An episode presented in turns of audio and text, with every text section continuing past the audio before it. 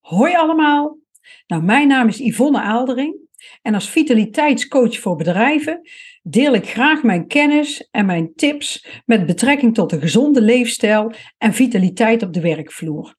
Nou, de vorige podcast, nummer 22 zo uit mijn hoofd, heb ik uh, uitleg gegeven over de oorzaken van werkstress. En vandaag wil ik wat meer ingaan op, um, ja, wat kan je nou met die werkstress? He, ik wil daar graag wat tips over geven. Hoe kan je daar het beste mee omgaan? Dus daar gaan we het vandaag over hebben. Um, ja, die werkstress die is eigenlijk heel erg actueel. Want um, minister Lodewijk Escher van Sociale Zaken, die heeft al een tijd geleden aangekondigd maatregelen te willen nemen om ja, het werkstressprobleem op te lossen middels een campagne voor werkgevers en medewerkers, om ze echt te wijzen op de risico's van werkstress. Want maar liefst een derde van het ziekteverzuim ja, wordt namelijk veroorzaakt uh, door werkstress. En dat maakt het de meest voorkomende beroepsziekte in Nederland. En vandaar dat zij ook wat meer gaan controleren op werktijden en werkdruk op de werkvloer. En nou, die oorzaken, daar hebben we het de vorige keer al over gehad. Maar ja, de vraag is nu, wat kan jij tegen werkstress doen? Um, want die werkdruk in Nederland, ja, die neemt eigenlijk alleen maar toe.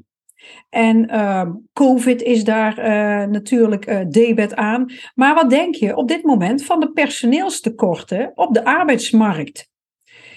En als je kijkt uit onderzoeken rolt dat ruim een derde van de medewerkers die vindt uh, de dagelijkse werkdruk op dit moment te hoog. En, um, ja, en wat zie je dan als die werkdruk veel te hoog is? Dan gaat dat uiteindelijk leiden tot stress, werkstress.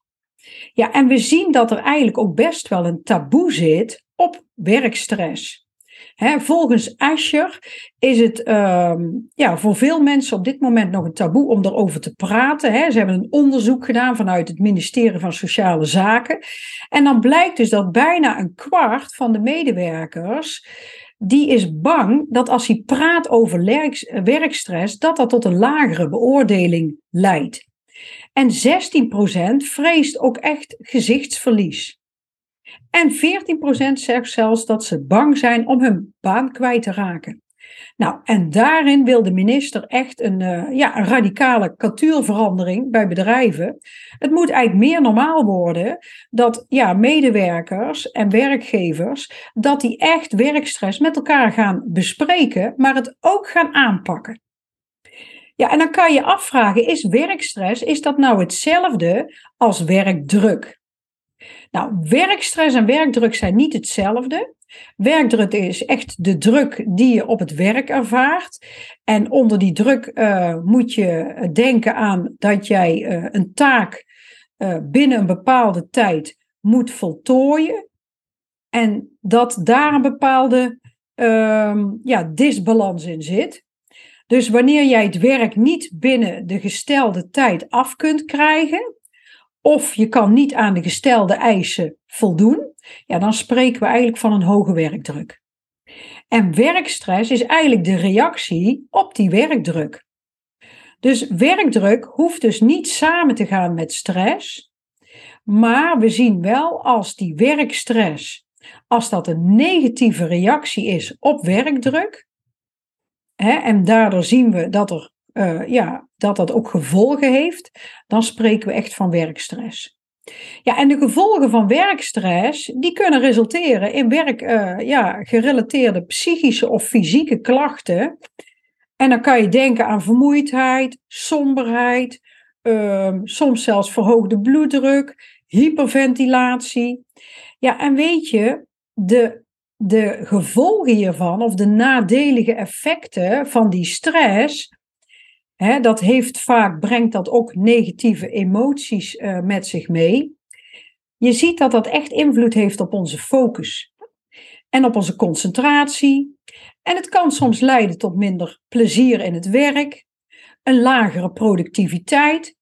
Terwijl positieve emoties daarentegen, die verruimen onze geest, hè, waardoor er meer ruimte is voor creativiteit, meer flexibiliteit. Hè, je kan ook veel meer hebben, je bent minder prikkelbaar. Hè, en dat geeft eigenlijk veel meer mogelijkheden.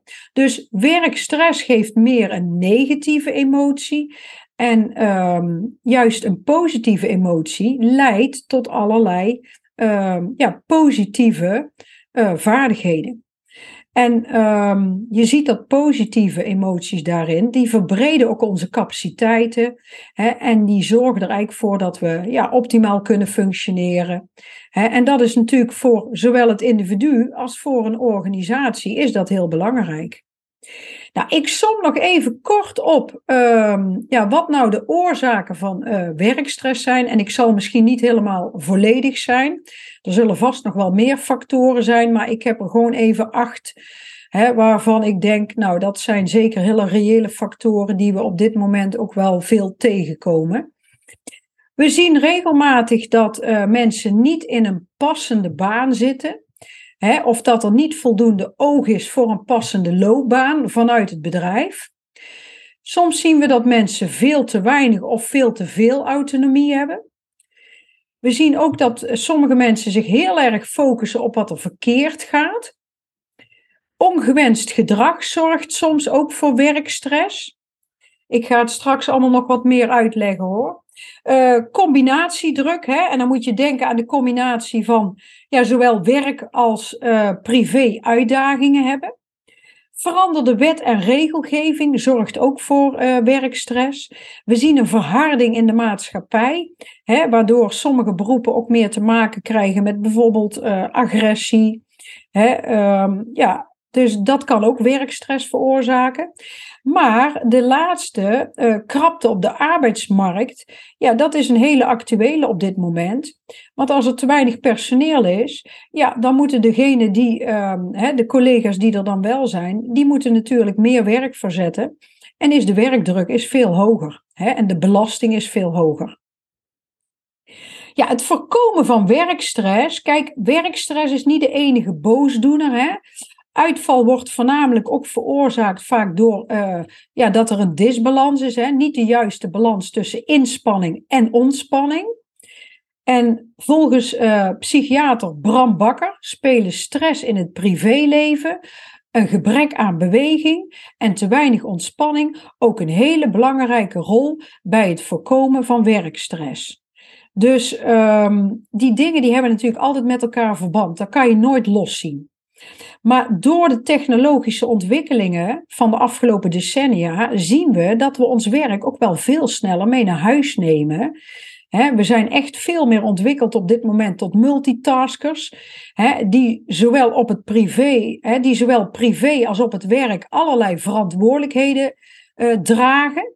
En daardoor zie je soms ook dat uh, privé en werk ja, heel erg door elkaar heen loopt. En dus de aandacht moet ook niet alleen gericht zijn op het werk, maar juist ook op die werk-privé-balans. Want dat beïnvloedt elkaar. Maar wat wel gebleken is, is dat het heel belangrijk is dat jij als werkgever wat met werkstress doet. Want onderzoek toont aan dat één op de vier medewerkers aangeeft vertrekintenties te hebben, een andere baan te willen zoeken wanneer hun organisatie hier geen aandacht aan besteedt aan werkstress. Dus hoe kun jij als organisatie voor jouw medewerkers daarin ondersteunen? Nou, daar heb ik wat, um, wat tips voor. Nou, wat allereerst heel belangrijk is, dat is een duidelijke communicatie in het bedrijf. Een duidelijke visie voorkomt ook heel veel werkstress. En als een werknemer weet wat er van hem verwacht wordt, en er is ook een goede communicatie met collega's, leidinggevenden, ja, dan geeft dat eigenlijk heel veel rust en een veilig gevoel. Dus slechte communicatie kan veel onrust en onnodige werkstress geven.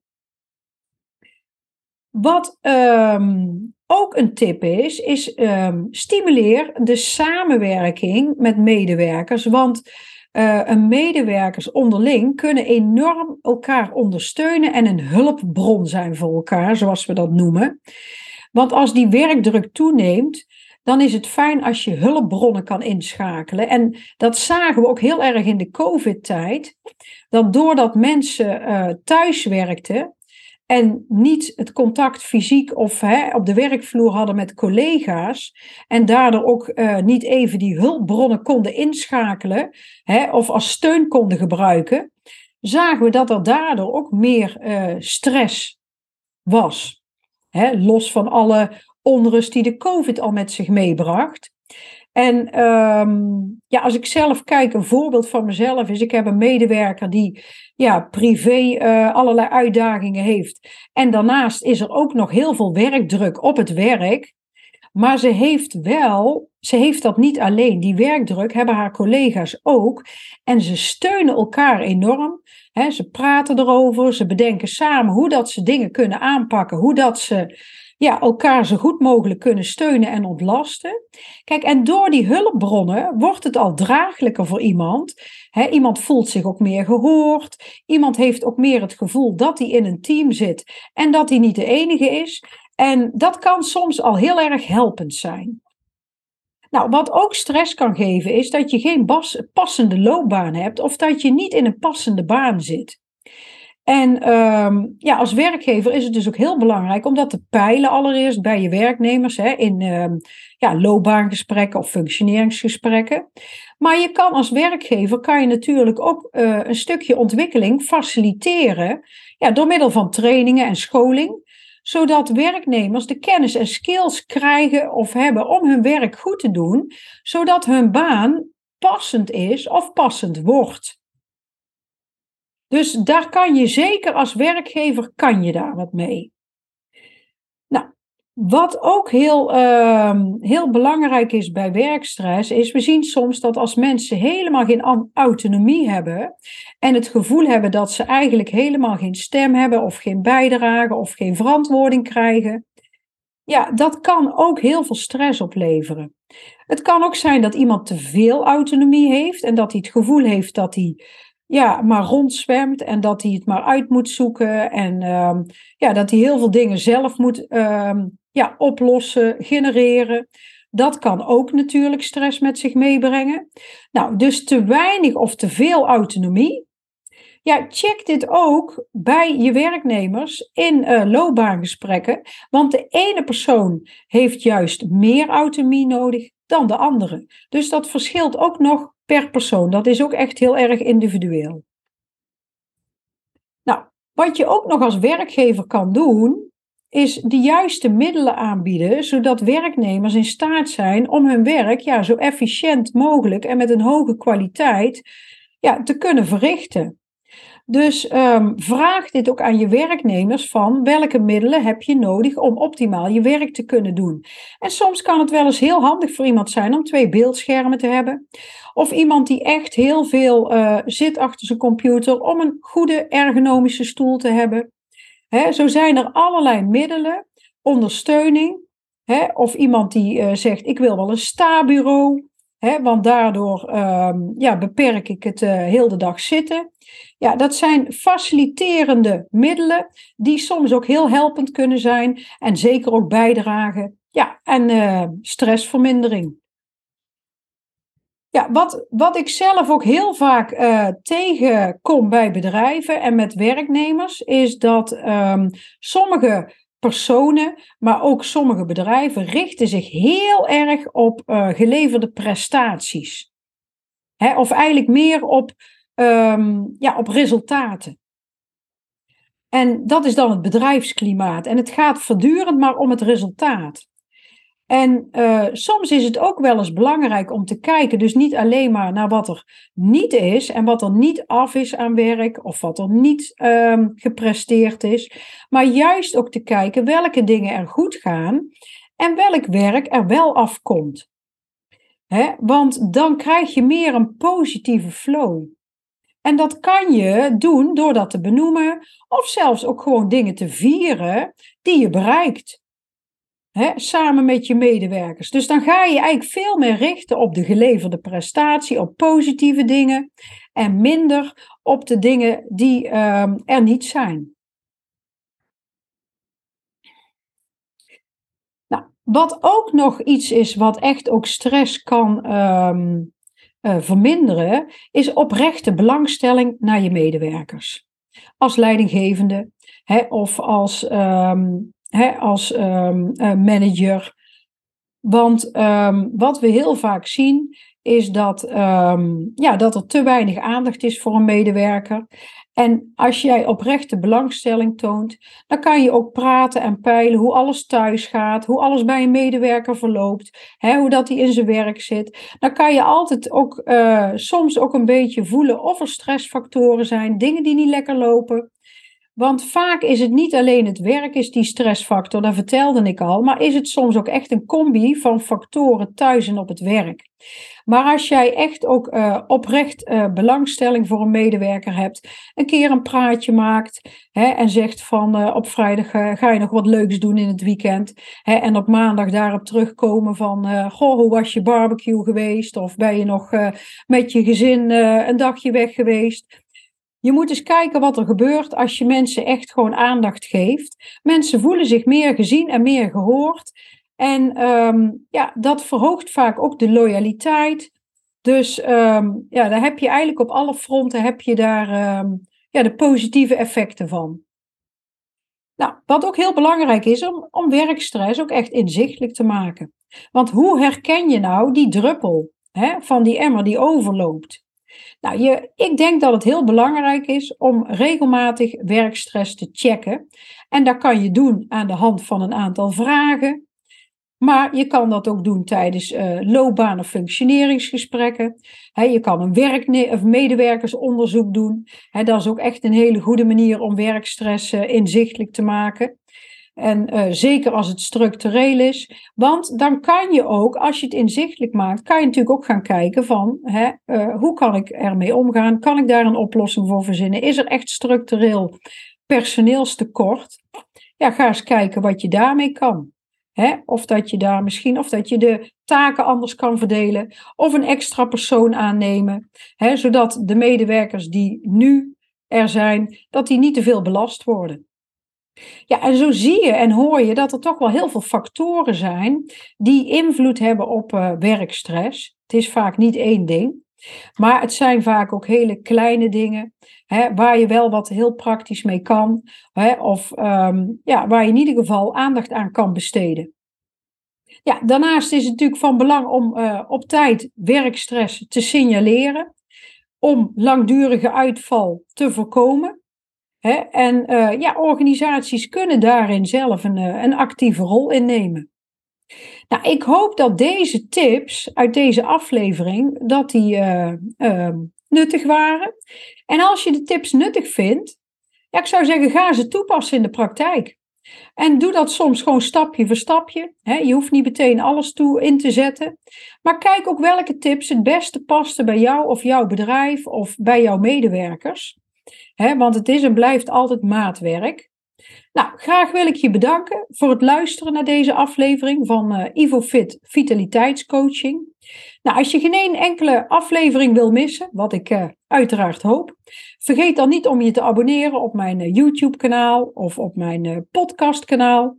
Nou, mocht je iemand in je omgeving hebben waarvan je denkt, nou, daar zouden deze tips zeker nuttig voor zijn, deel dan gerust deze of mijn andere ja, afleveringen met je netwerk.